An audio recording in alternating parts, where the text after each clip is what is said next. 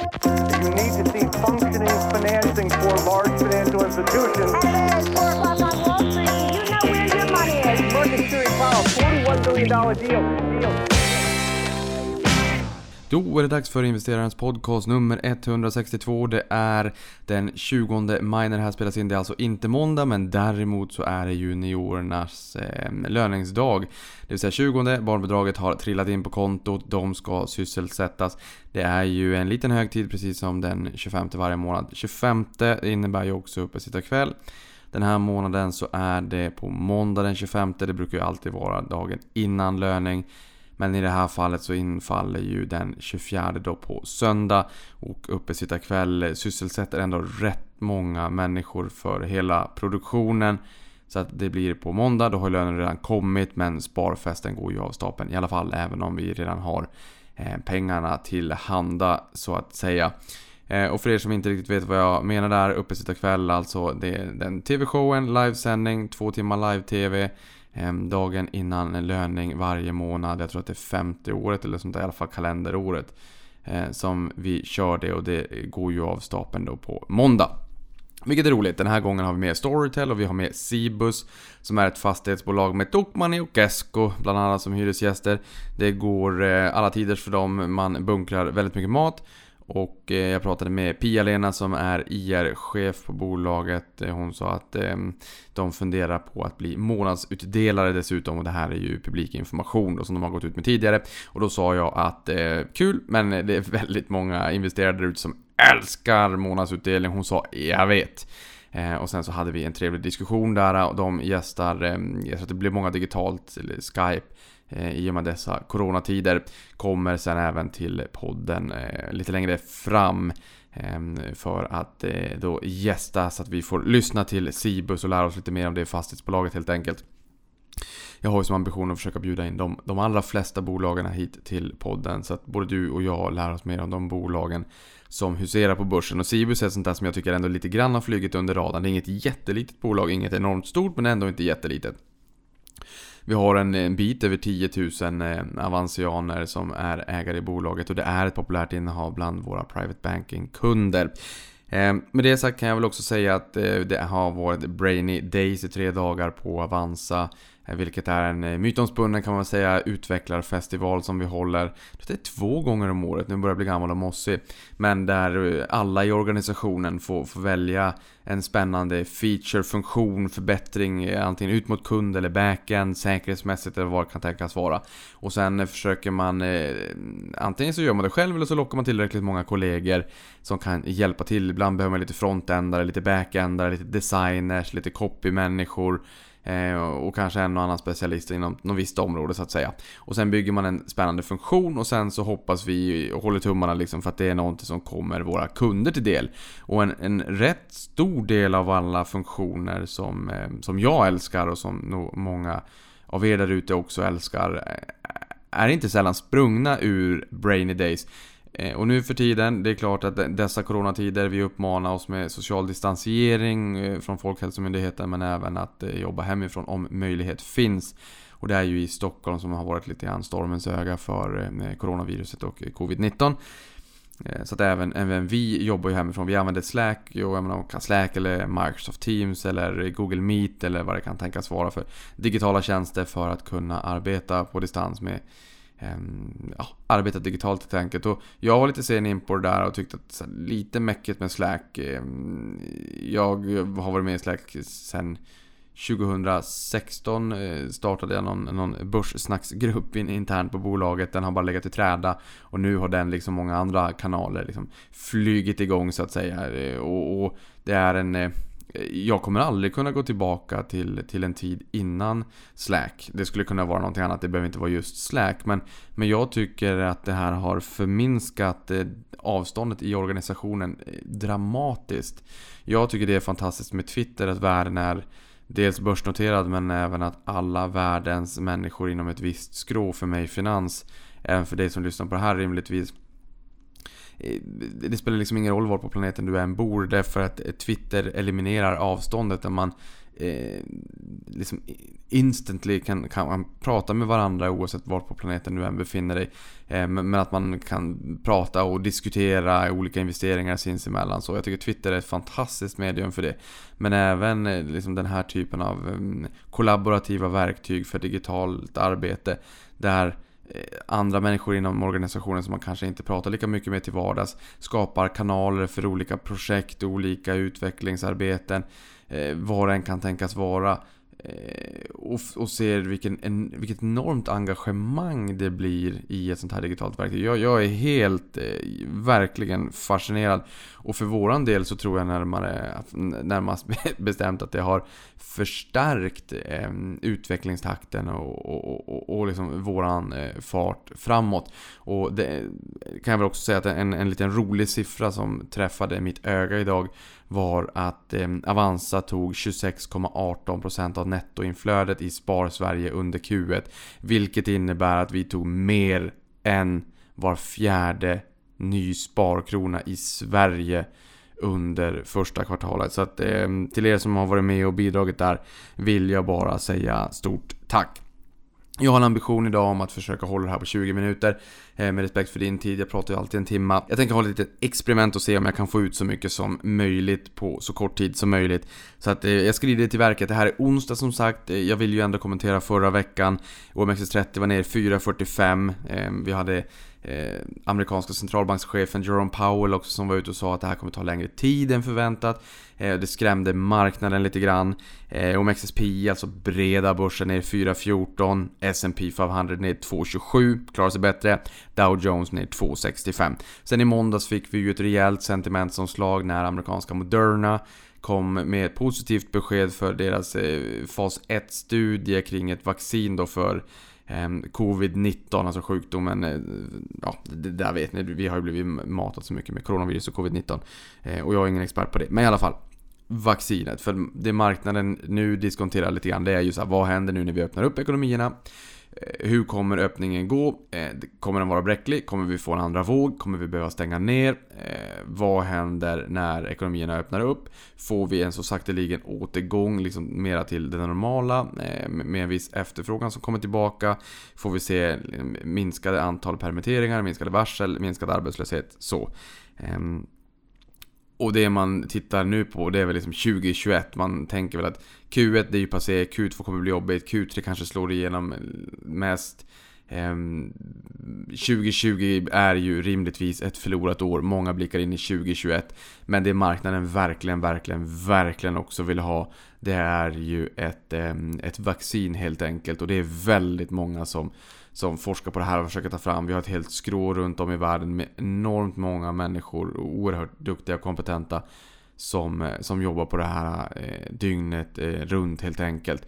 Så att eh, förhoppningsvis, peppar peppar, vi håller tummarna för att vi, vi får ett vaccin eh, mot det här också. Då kan vi ju lägga det här till historieböckerna. Vi kommer inte glömma coronakrisen men vi kanske lite grann kan gå vidare till vad som ska komma eh, efter eh, coronakrisen helt enkelt.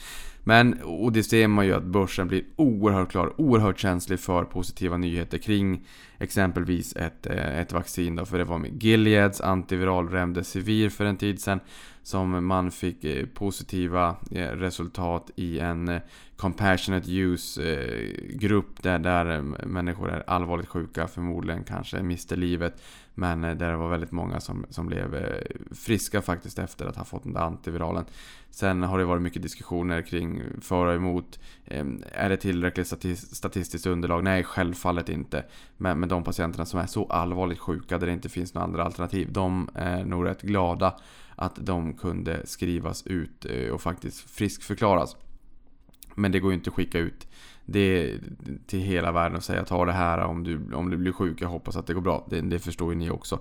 Vi behöver ett vaccin, eh, helt enkelt. Och nu, nu öppnar vi upp ekonomierna på, på bred front. Så att det gäller ju att hålla tummarna att, att det görs med viss försiktighet får man väl säga. Men just den här Fosset-studien då, det visade ju att alla, alltså samtliga testgrupper utvecklade antikroppar mot viruset och efter dos nummer två då.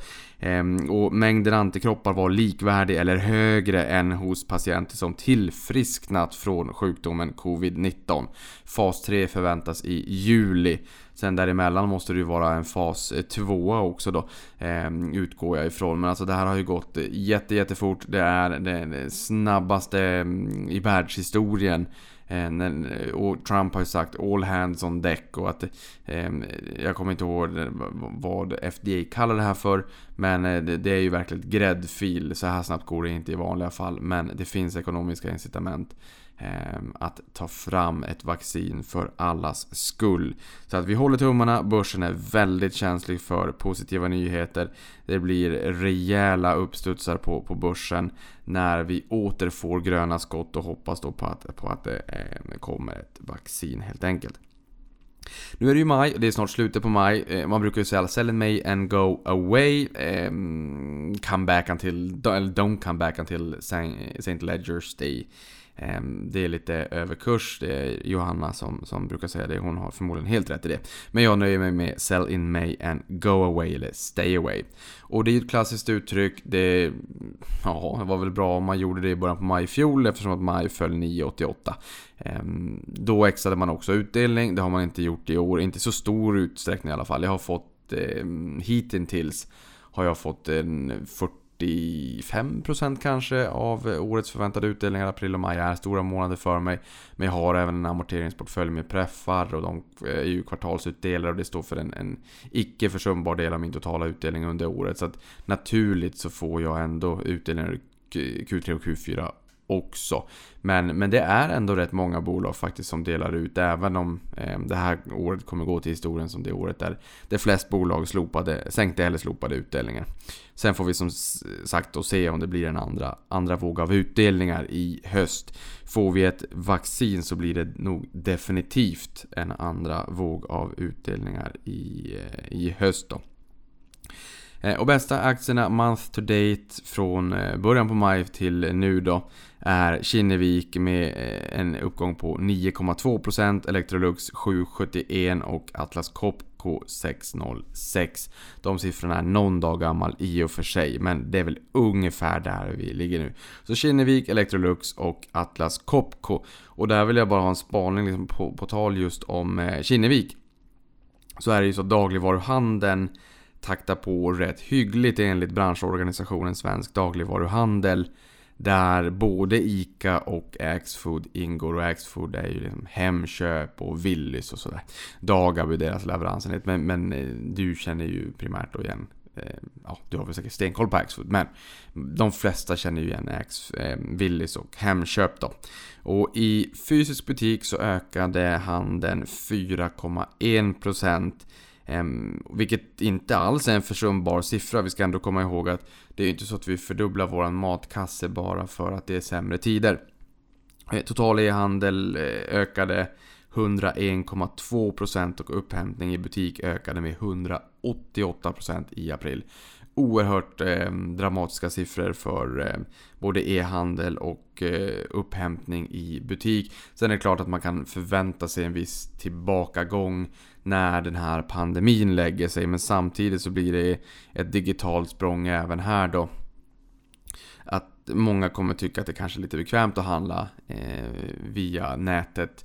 Eh, eller kanske liksom beställa och sen så hämta upp det i butik. Jag tycker det är lite kul att spatsera runt i butiken och titta och fundera och se hur bolagen positionerar sig, vilka nya produkter de tar fram och sådär. Eh, men, men och, och visst, det är förmodligen så också att vi kommer få se en strukturellt högre grad eh, av um, omsättning inom eh, dagligvaruhandeln, i alla fall en tid framåt så länge den här pandemin håller i sig. Därför att vi äter ju mindre ute nu när vi inte riktigt går på, på restaurang helt enkelt. Eh, och dessutom om vi då jobbar hemifrån så går vi ju inte ut på, på lunchrestaurang heller lika ofta.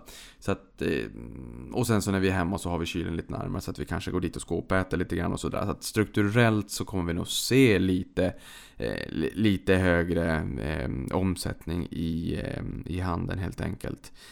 Och tittar vi ackumulerad tillväxt för year to date och från årsskiftet så har, ser vi att e-handeln har växt 46,2% i branschen. Och eh, upphämtning i butik har växt 86,4%. Eh, och där är det intressant att Kinnevik äger ju både Mathem och eh, norska kolonial.no. Nu är de inte enkom eh, ägare av Mathem, men de är ju största ägare av Mathem.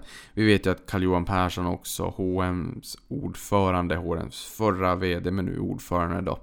Eh, är väl också delägare i Mathem och även ehm, Clas Olsson är delägare i Mathem. Ehm, och sen har ju Kinnevik även bolag inom digital hälsovård som Livongo och Babylon. Eh, och sist men inte minst så är det nog förmodligen också ganska många kan jag tänka mig som känner igen Budbee och Karma. Ehm, även om Zalando är störst eh, och det är ju också i handel. Ehm, så känns det som att eh, rätt många innehav av de här eh, är rätt vettigt positionerade för framtiden och har förmodligen fått en skjuts av den perioden vi nu går igenom. Ehm, Mathem och kolonial.no det har varit en dramatisk ökning av efterfrågan. Eh, in i senaste rapporten och, och kolla där, jag har för mig att det var någon tiodubbling i efterfrågan på kolonial. Och vi har Mathem som säger att, jag tror att det var en tre gånger högre efterfrågan än vad de kunde leverera. Så de har varit tvungna att skala upp kapaciteten ehm, helt enkelt. Så att det, för dem är det ju bra tider och det förstår ju jag också. Äldre, multisjuka, de i riskgrupper. Det är inte jättetrevligt att eh, spatsera runt i en butik där risken finns att man blir smittad eh, eh, av det här viruset. Det blir lite grann med livet som insats. Så att väldigt många eh, som kanske inte skulle vara de första personerna att eh, helt enkelt testa mm, att handla mat via nätet. Kommer ju att göra det nu för att de måste. Och sen kanske de känner att så här, fast det där funkade rätt bra och att det här kanske blir ett beteende. Så det blir intressant att se vilka effekter det här får på, eh, på, på våra beteenden sen. Den digitala adaptionsgraden har i alla fall eh, definitivt eh, ökat. Sen kan jag väl också säga, nu är vi ju på 17 minuten, det blir inte riktigt 20 men, men, men du får stå ut med mig lite grann. Eh, sen vi hördes vid sist så har jag också fått det förtroendeuppdraget att jag numera är tillförordnad ordförande för ledningsgruppen i Aktiespararna Lidingö. Där jag sitter med i ledningsgruppen. Jag började ju Aktiespararna någonstans för en 17 år sedan i Boden. Då fanns ju inte unga aktiesparare så då fick jag börja med Aktiespararna. Sen eh, unga aktiesparare i Stockholm två veckor efter Lehman föll 2008 när vi bestämde oss att flytta ner. Perfekt timing, där har ni hört förut. Eh, och sen så gjorde eh, tidens tand sitt så att jag blev lite för gammal och sen eh, kom jag tillbaka in i Aktiespararna igen. Där kan man ju aldrig bli för gammal, vilket är, vilket är trevligt. Omständigheterna är inte jätteroliga. Min ordförande som eh, Bengt som eh, har blivit en god vän över generationer och det har ju varit vårt gemensamma intresse för aktier som har sammanfogat oss och det har varit en person jag hyser stor respekt för och har tyckt har varit väldigt, väldigt rolig att lära känna honom och han visade mig också för eh, för något år sedan sina aktiebrev som han haft inom familjen som var över 100 år gamla. Eh, och, och, och som ett skolboksexempel på ränta på ränta och vad, vad ett långsiktigt eh, aktiesparande faktiskt kan ge. Eh, många tycker liksom man ska hoppa och hoppa från tuva till tuva när börsen skakar till och sådär. Men eh, det är rätt intressant att se eh, vad ett långsiktigt aktiesparande faktiskt kan ge. Han ehm, eh, har dessvärre eh, gått ur tiden. Han var på en en kryssning som han hade sett fram emot väldigt mycket att åka på i Sydamerika eh, och sen så drabbades han av coronaviruset ehm, liksom väldigt många andra globalt. Nu är det så pass höga siffror så att man tappar nästan eh, räkningen. I början så tittar man ju väldigt mycket på den här Worldometer och andra sajter som, som trackade både antalet eh, smittade och antalet avlidna. Ehm, Eh, inte fullt lika mycket just nu. Det är, det är deppiga siffror att se. Ehm, så att eh, i det här var det lite grann av en, eh, en chock såklart. Ehm, och även om jag helst hade sett att Bengt hade varit kvar, för det är stora, stora skor att fylla. Ehm, så, så kommer livet att gå vidare och livet går vidare efter, efter coronakrisen, coronakraschen på börsen och efter Ehm, ja, eh, även påverkan på realekonomin och förhoppningsvis får vi ett vaccin så att vi blir av med den här dyngan helt enkelt. Jag tror att det är helt omöjligt att köpa den här på 20 minuter. Jag får försöka med det eh, nästa gång istället. För, för en liten fundering som jag hade idag var eh, coronakrisen här. Man, man jämför, eller coronakrisen, coronakraschen, det är väl den man pratar om nu för tiden. Men, men många jämför ju den med eh, depressionen på 30-talet och eh, finanskrisen. Ehm, eh, men jag tänker att techbolagen har en enorm medvind i ryggen just nu på grund av det enorma, nu använder jag ordet enormt mycket, det enorma digitala språnget som nu sker. Vi har sett att eh, S&P 500 utgörs till en eh, strax under 26% av techbolag. Eh, Medan Nasdaq, eh, som man brukar säga, teknikbörsen då. Där ser vi de fem största bolagen på Nasdaq. Eh, de eh, utgör, eh, de, de samtliga är techbolag. Och det är 39% av viktningen på indexet. Så att, där har vi en enorm övervikt mot tech. Och det kan man se som en implicit risk. Men i det här fallet så undrar jag när man säger att techbolagen är övervärderade. Jag försvarar inte värderingen på något sätt och det kanske är övervärderat och sånt händer ibland. Eh, aktiekurserna rör sig ju. Så ibland är det övervärderat och ibland är det undervärderat. Men man måste också komma ihåg eh, att man inte bara kan titta på ett P tal utan du måste ju någonstans försöka bedöma eh, P talet som är en stillbild, eh, som om du fastnar på en fartkamera med eh, förändringshastigheten med momentum. Ehm, eh, fastnar du på en fartkamera så kommer, ehm, kommer det ju inte synas om du tvärnitar och står på bromsen och det spelar ju ingen roll heller såklart i just det fallet. Ehm, men det kan ju också vara så att du kommer in i en fartkamera och kör 70 och det är 70 men du kör plattan i mattan så att några sekunder senare så är du uppe i 120 och hade tappat körkortet men det syns ju inte precis när, när du fångades på kort. Fast körde du 70 på 70 så fastnar du inte på kort. Men du förstår vad jag menar. Ehm, så att jag menar, det är ju techbolagen som har drivit eh, tillväxt topline-mässigt, alltså omsättningsmässigt men även, även eh, vinstmässigt. Och någonstans så skulle jag vilja veta lite grann att de människorna som eh, säger att det här kommer bli värre bara för att det var värre på 30-talet. Eller bara för att det var värre på, under finanskrisen. Så skulle jag gärna vilja se, och det här är inte en retorisk fråga på något sätt. Men jag skulle vilja se hur eh, indexsammansättningen såg ut på 30-talet och eh, under finanskrisen. Ehm, därför att it's a new world och it's a new economy and this time is different. Och så är det. Ehm, det där är, alla de där um, orden, meningarna, är sånt som man inte ska säga för att risken är jättestor att man fastnar med skägget i brevlådan. Men ehm, jag säger det ändå, för att det är fakta. Eh, och det sa jag förra avsnittet. Många av de tjänsterna eh, som man eh, idag använder och tar för givet fanns inte ens när finanskrisen inleddes.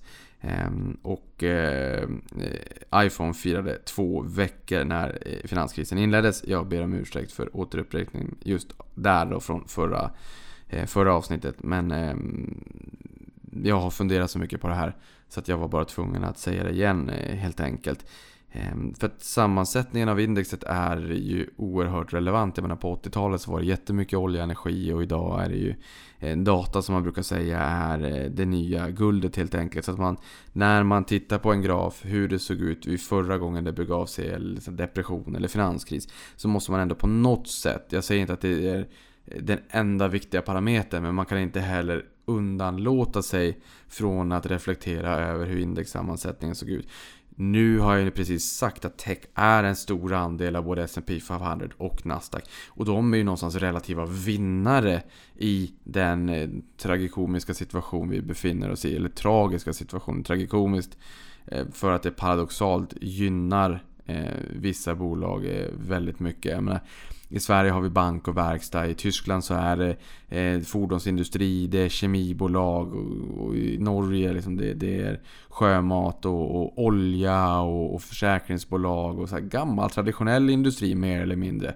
Det är väl inte kanske guld och gröna skogar just nu men, men digitala bolag, techbolag, ja desto mer. Det spelar egentligen ingen roll ifall det är så att du jobbar hemifrån och använder digitala verktyg för att kunna möjliggöra för dig att jobba hemifrån.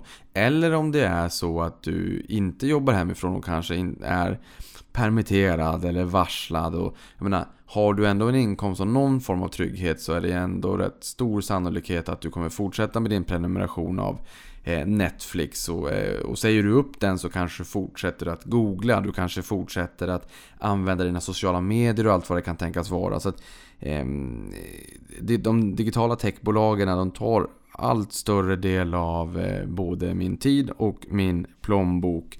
Ehm, och jag menar, idag, jag fascineras över det faktum att Facebook nu har lanserat Facebook Shops. Eh, här för några år sedan så sa man att men, Cambridge Analytica, det var inte helt OK, det tycker inte jag heller. Och man ska ha respekt för integritet. Men, men någonstans så trendade hashtaggen eh, hashtag delete Facebook. Men i efterhand så jaha men tog man bort Facebook då? Man har också sagt att när Disney Plus skulle komma så skulle folk sluta med Netflix. Har man slutat med Netflix? Senaste siffran jag kommer ihåg var 15,77 miljoner nya abonnenter. Det är, liksom, det är ett och ett halvt Sverige. Är, även om den kan inte kanske falla tillbaka, och det kan den också göra, men kanske mattas efter den här perioden vi nu går igenom. Absolut. Men, men det här har ju liksom Techbolagen, du vet jag har sagt det förut, var den absoluta vinnarsektorn under hela förra årtiondet. Ehm, 17,3 kagger mot 13,5 S&P 500. Det här som vi nu går igenom, det ger ju en enorm skjuts och medvind snarare än motvind för den eh, rimligtvis viktigaste sektorn i USA. Det är eh, det tyngsta argumentet i min bok till varför man ska sprida riskerna geografiskt. Därför att eh, det kan vara ganska bra att toppa upp gammal, gammal industri med nya eh, industrier såsom eh, tech. Även om det inte är jättenytt men det är betydligt mycket nyare än skog, bank, verkstad, eh, olja, energi. Eh, du förstår. Och just det här med Facebook Shops, jag tycker att det är superintressant. Därför att det vi har sett den senaste tiden det är ju en eh, ganska enorm eh, konsolidering inom retail och, vi har sett retail-döden och the death of brick and mortar. Det har ju varit en snackis jättelänge. Eh, och vi har sett liksom konsolideringen av stora kedjor med stordriftsfördelar, med, med stark liksom, förhandlingskraft mot leverantörer eh, som kan köpa in billiga produkter och, eh, och prisa ut mindre aktörer och vi ser en utslagning av mom and pop stores. Ehm, så att du får den här unika floran och gräsrotsrörelsen försvinner lite grann till förmån för de här stora eh, jättekedjorna. Man har åkt ut till närmaste handelsområde så är det ganska mycket samma bolag på alla handelsområden. Ehm, med men det Facebook nu gör, för att det här med delete, face, face, delete Facebook, eh, det slog ju inte riktigt. Jag menar, de har 2,6 miljarder månatligt aktiva användare. Och tycker du inte att det är en imponerande siffra så vill jag bara påminna om att ungefär hälften av planetens människor har internetaccess. Då blir den, tycker jag i alla fall, ännu mer imponerande. Eh, och eh, som jag sa förra avsnittet också, eh, nu inte min trum utan förra, förra egna då. Så sa ju Dagens Industri att 58% av planetens befolkning på ändra sätt, helt eller partiellt, har befunnit sig under lockdown. Och det är återigen, vad, vad gör du av den tiden? Ja men definitivt så är det ju så att du, att du spenderar tid på sociala medier. Du sitter och gamer och du arbetar i digitala verktyg och du har videokonferenser med dina kollegor. Det är tech, tech, tech, tech, tech, tech, tech, tech, tech, tech, tech. Um, nu, nu låter det liksom som... så, eh, så här, värderingen kan vara vad den är. Värderingen eh, svänger det såklart. Men tittar vi långsiktigt från idag och framåt så är det klart att vi har väl knappt ens börjat skrapa på digitaliseringstrenden eh, globalt tror jag. Eh, och att allt mer av gammelindustri också kommer att eh, techifieras. Det spelar liksom ingen roll om vi ska gå från 7,8 miljarder människor upp till 10 miljarder människor med mer munnar att mätta. Vi får inte mer Åker eh, bördig eh, eh, mark. Då måste vi med liksom teknik, algoritmer, artificiell intelligens förstå när vi ska så, när vi ska skörda, när vi ska vattna för att få upp crop yield. Vi har vi måste bli bättre på resursåtervinning, på, på mm, att ta hand om de sopor och det skräp vi får till och liksom helt enkelt ja, återvinna det vi producerar för, för att våra resurser globalt är begränsade. Eh, matsvinn etc. måste vi ta hand om. Så att, så här, det finns så mycket som tech kan hjälpa oss med. Ja, men en sån sak när jag var på investerarresan i USA också när man i delstaten eh, New York sa att man kommer att straffbelägga fastighetsägare om de inte kraftigt sänker sitt energi, eh, Ehm, sin energipåverkan. Eh, så här, ja, hur gör man det då? Jo, man gör det med tech. Där du kan optimera resursåtgången eh, eller energiåtgången i fastigheterna. Och du automatiskt kan känna av när folk går till jobbet, sänk temperaturen några grader, börja dra upp den några grader när, när folk är på väg hem från jobbet och sådär. Eh, det finns massor av sätt för att använda teknologi för att förbättra och förenkla eh, livet för väldigt många. En liten sån är ju eh, Kinneviks investering i Karma. Eh, genialiskt, jättebra användarupplevelse, en jättetrevlig app. Där, där du kan få liksom rätt mycket käk, fika, snacks till halva priset. Så att lunchrestaurangerna får någon form av täckningsbidrag för, för kostnaderna de har och, och matsvinnet minskar rejält. Det är liksom en perfekt win-win tycker jag. Eh, och så här, det är powered by tech. Det, det, hade liksom inte kunnat... Vi hade inte kunnat ha en sån tjänst om vi inte hade haft smartphones och liksom en dator i fickan löpande dygnet runt, internet i fickan dygnet runt. Ni som hade 56 modem eller ISDN och allt det där innan och koppla upp sig och det kostade svinmycket per minut. Ni vet, världen ser helt annorlunda ut idag. Jag tycker så här, Walt Disney är samma sak där. De är urstarkt varumärke. Eh, de hade en kapitalmarknadsdag i april i fjol. Ehm, där de sa att vi prognostiserar att ha mellan 20 och 30 miljoner abonnenter på Disney Plus 2024. Eh, de har över 50 miljoner abonnenter på, eh, efter 6 månader. Ehm, så, att någonstans så... Ja, jag ville bara dela med mig liksom av de tankarna. Facebook Shops återigen där. Jag hoppas och tror att det kan bli någon form av renässans av mom and pop store så att vi liksom får en fin undervegetation av småföretagare fast i ett digitalt format. För jag har i alla fall tummen mitt i handen när det kommer till att här, koda ihop en webbshop. Det gör inte jag på en kafferast. Alltså. Det, det gör jag inte liksom på, på ett sommarlov heller. Ehm, men i det här fallet, Facebook har redan eh, massor av människor. Ehm, jag är mera proaktiv än reaktiv. Det kom en tid där jag gick in på Facebook mer reaktivt om jag varit inpingad eller eh, min mamma som inte har liksom perfekt fingertoppskänsla kanske lägger upp någon pinsam bild. Då går jag dit och säger så här. Visa inte på min tidslinje. Förlåt mamma. Ehm, men nu går jag in på Marketplace ofta för jag tycker det är jättekul att se för det finns en så rik flora av produkter och eh, priserna är liksom obefintliga. Ofta väldigt bra priser. Och jag går in i grupper med olika intressen. Ofta Avanza-podden är den enda, enda Facebookgruppen jag är med i när det kommer till eh, aktier, sparande och aktier. Eller jag är med i fler men det är den enda jag är aktiv i då. Av naturliga förklarliga skäl.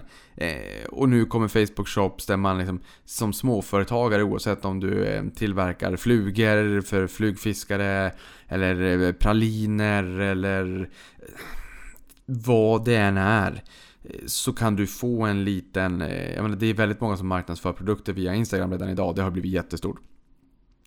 Men det, där du kan få bygga upp en webbshop jätteenkelt. Eh, eh, Shopify är ett annat exempel på det.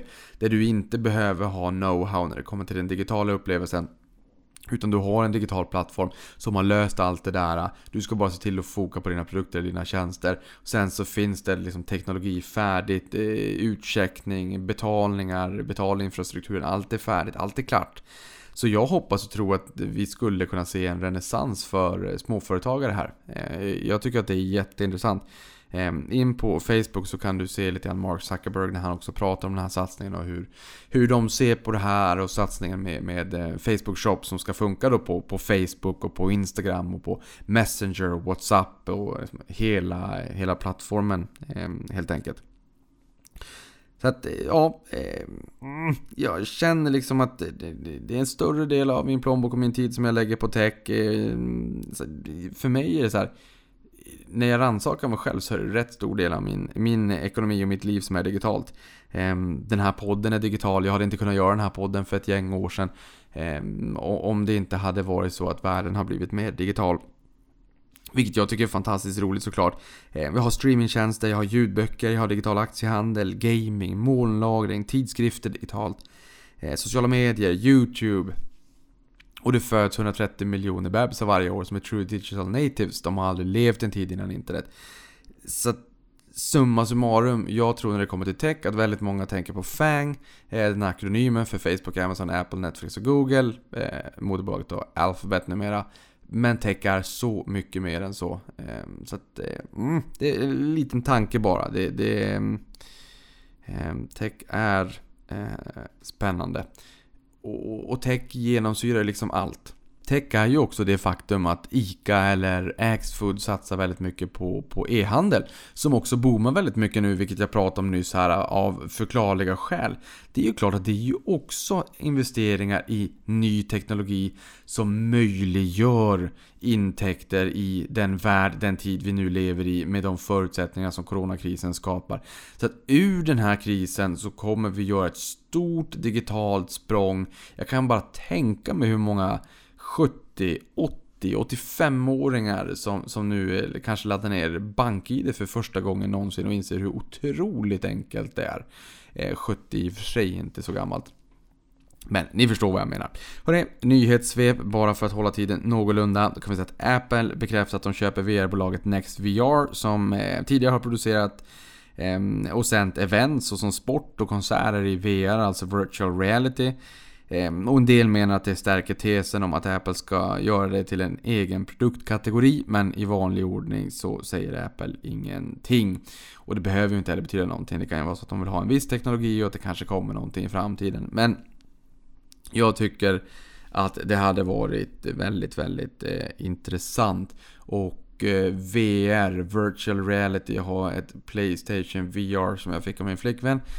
Ehm, det är ganska pixligt, det är dålig upplösning, det är massor av kablar. Jag ser framför mig när det är ett par glajer eh, som är snygga. Jag tror att det var Facebook eh, i sin satsning på VR. Som har ingått partnerskap med Essilor Luxottica som är en tillverkare av de absolut flesta eh, premium lyxvarumärkena inom eh, glasögon, solglasögon globalt. Eh, där man förmodligen då räknar med att det kommer vara glasögon som ser kanske ganska normala ut. Ganska trendiga, modeinriktiga, snygga, coola, häftiga. Eh, men att man kan bygga in eh, eh, exempelvis AR i, i, i, ehm, i dem. Och det här kommer ju också vara powered by 5G. Därför att idag, så på mitt headset som jag har, så behöver du eh, liksom computing power lokalt i själva headsetet. Men vad händer när du har en liksom, värstingkapacitet i ett hyperscale datacenter eh, utanför Stockholm? Där du med 5G utan latens trycker in gigabit rakt in i mitt eh, headset. Där jag inte behöver ha processorkraften i glasögonen i själva hårdvaran jag har köpt. Utan den sitter i ett datacenter en bra bit härifrån men levereras ögonblickligen till mig med 5G som kommer revolutionera eh, världen. Ehm, så som jag har förstått 5G. Då kommer du också att kunna outsourca processorkraften. Vilket gör att det skapar enorma möjligheter för så många människor. Och också förmodligen billiga applikationer, billig hårdvara som kommer ha en, en sjuhelsikes kapacitet. Därför att kapaciteten är outsourcad och kan liksom skjutas in i, i, i dina produkter, i din hårdvara eh, remotely. Eh, därför att eh, 5G möjliggör det helt enkelt. Jag tycker det är jättespännande. Jag var också och lyssnade på Skagens nyårskonferens eh, 17 januari. Där det bland annat var en, en person från Ericsson som gästade och, och, pratade mycket om det här. Så jag, jag tycker att det ska bli jättespännande att följa den utvecklingen. Sen har vi Grubhub som rusade över 23% förra veckan efter rykten om att Uber ska lägga ett bud på bolaget. Eh, när fakta lades ut så visade det sig att Uber var beredd att bjuda 1,9 aktier i Uber per aktie i Grubhub. Ehm, ett bud som refuserades men diskussionerna mellan bolagen fortlöper allt jämt rapporterar Wall Street Journal. Grubhub, intressant. Ehm, du skriver in din zip-code i USA och sen får du upp eh, liksom 50-11 olika restauranger och kan gå in på restaurangernas sidor och se menyerna etc. Beställa mat och få det eh, levererat och sen så har man eh, samarbete med ehm, en sån här Ja, vem, vem, var det nu? Nej, det, det kommer jag faktiskt inte ihåg. Det var någon av de här kända eh, recensionssajterna. Så att folk skriver kommentarer om restaurangen. Så att du väldigt enkelt kan, kan se om den här restaurangen är bra eller dålig. För i ärlighetens namn, bokar man ett hotell så är man inte riktigt lika intresserad av vad hotellet skriver utan gärna om recensionerna från eh, andra privatpersoner om vad de tycker. Det som inte står i hotellets beskrivning självfallet. Um, inte Trustpilot. Ja, eh, sak samma. Eh, men, men, här har vi också med Uber sett Uber Eats och nu eh, har vi uppenbarligen insett att de då är intresserade av Grubhub också. Sen har vi Svensk Försäkring som är en branschorganisation för de stora försäkringsbolagen. Nu har de i en skrivelse till Finansdepartementet uttryckt stark kritik till förbättrade förslaget för Sveriges pensionssparare med individuella tjänstepensioner. Jag och Johanna har uttryckt eh, mm, en stark vilja självfallet att förbättra för alla Sveriges sparare därute. Ehm, och det här har ju mötts av stark kritik av branschen självfallet. Vi har kört pensionsupproret stenhårt. Vi har förmodligen träffat i princip alla politiska partier och jobbat under, under radarn för att eh, eh försöka förbättra för alla där ute. För så som försäkringsbranschen eh, vad gäller flytträtt fungerar idag. Det är pinsamt och skrämmande och extremt dyrt och eh, det är väldigt få som överhuvudtaget bryr sig om eh, spararen. Eh, och nu eh, ligger det på politiskt bord att man förmodligen eh, och förhoppningsvis kommer att förbättra det här rejält. Det skrämmer upp branschen så att eh, Svensk Försäkring, eh, som då är branschorganisation som eh, utgörs av gammel, gammel finans, gamla försäkringsbolag med, med stora incitament att behålla allting som det är precis just idag. Att de är kritiska till det här Eh, det är väl förmodligen ingenting som eh, gör att någon höjer på ögonbrynen. De vill alltså fortsätta att dränera din pension och nu skäms de inte ens för att erkänna det. De menar att det finns en risk för att kollektivet drabbas om man flyttar men eh, det är bara det att det finns inget kollektiv när det kommer till fondförsäkring. Så jag vet inte om man försöker på sig en, en, en, en fuling. Ehm, jag har faktiskt ingen aning och, och de har inte heller kommenterat det jag har skrivit på, på Twitter. Ehm, det är jättejobbigt för dem för att det är eh, extremt många människor som ser det i, i, min, i mitt tycke pinsamma eh, utspelet och jag tror att politikerna har lärt sig ganska mycket eh, under den här tiden när det här har stötts och blötts. Så jag tror inte att man går på en sån liten Kina-puff. Eh, så att sorry branschen, det, här, det är dags att eh, förbättra för svenska sparare. Jag såg också att Nordnet skrev eh, att det är roligt att Avanza är med på tåget och försöker förbättra för svenska sparare. Eh, och att de har drivit det här hårt. Eh, jag kan väl bara säga att vi har drivit det här i väldigt många år och när vi började driva den här frågan så var Nordnet inte ens med i matchen utan det tog ganska många år. Eh, innan man började tycka att det här är aktuellt och liksom med det förslaget som nu ligger på bordet. Eh, det tycker jag är lite vilseledande att man skriver på bloggen att, att vi har kommit in sent om sidor och nu också ställer oss eh, enade i den här frågan. För att vi har drivit den här frågan oerhört mycket längre än, äh, än dem. Det tog väldigt, väldigt länge för Nordnet att vakna. Men hörni, det är jättekul att ni också ställer er bakom det här. Eh, men ni var, eh, ni var, eh, ja, ni var sega på att reagera helt enkelt. Men i slutändan så handlar det ju om att förbättra för, eh, för spararna. Så att vi tycker inte att det här med medialt utrymme kanske är lika viktigt utan just att eh, förbättra för spararna det är det absolut eh, viktigaste helt enkelt. Så att det är kul att vi har vunnit mark där och förhoppningsvis så går vi en bättre framtid till mötes för svenska sparare. Sen har vi Pricerunners VD Niklas Storåkers som ser allt fler tecken på att Amazon ska göra entré i Sverige i år. I en intervju med DI Digital säger han att han tror att, det tar en mark att de tar en marknadsandel på kanske 1-10% ungefär de tre första åren och att det här med att de ska komma in, svepa in över Sverige och eh, slå ut allt och alla eh, är eh, överdrivet och han eh, eh hänvisar till övriga marknader där man har gått in och där det har liksom tagit längre tid. Ehm, men likväl intressant att se om de kommer till Sverige i år då. Sen har vi flygandet som minskade med som mest 95% i USA och i Sverige har Swedavia som driver 10 flygplatser i Sverige eh, sett eh, trafiken backa 98%. Eh, bolaget tappar en halv miljard per månad i uteblivna intäkter. Eh, och i april i fjol hade flygplatserna 2,2 miljoner utrikesresenärer och 1 miljon inrikes. Samma period i år är 37 500 kontra 20 500. Så det här med när, man, eh, när det här lägger sig så kommer vi liksom att få se en återhämtning för att det är från sån oerhört låg eh, nivå just nu. När det blir, det, det återstår att se. Sen har vi Norwegian som på tal om flygande eh, kan sägas eh, att deras nyemission blev kraftigt övertecknad, närmare bestämt 7,2 gånger övertecknad. Och om Avancianerna är storägare i flygbolaget så kan man tänka sig att det kanske blev en och annan kul även därifrån. Eh, vi Avanzian har blivit storägare i bolaget. Jag fick en journalist från Norge som också ringde från E24 och ville skriva en artikel kring det här för de såg ju att Avanzianerna eh, vallfärdade till Norwegian. Men i den här emissionen så fick befintliga aktieägare 55% av aktierna var på att det blev en rejäl utspädning då. Men förhoppningsvis så överlever ju bolaget.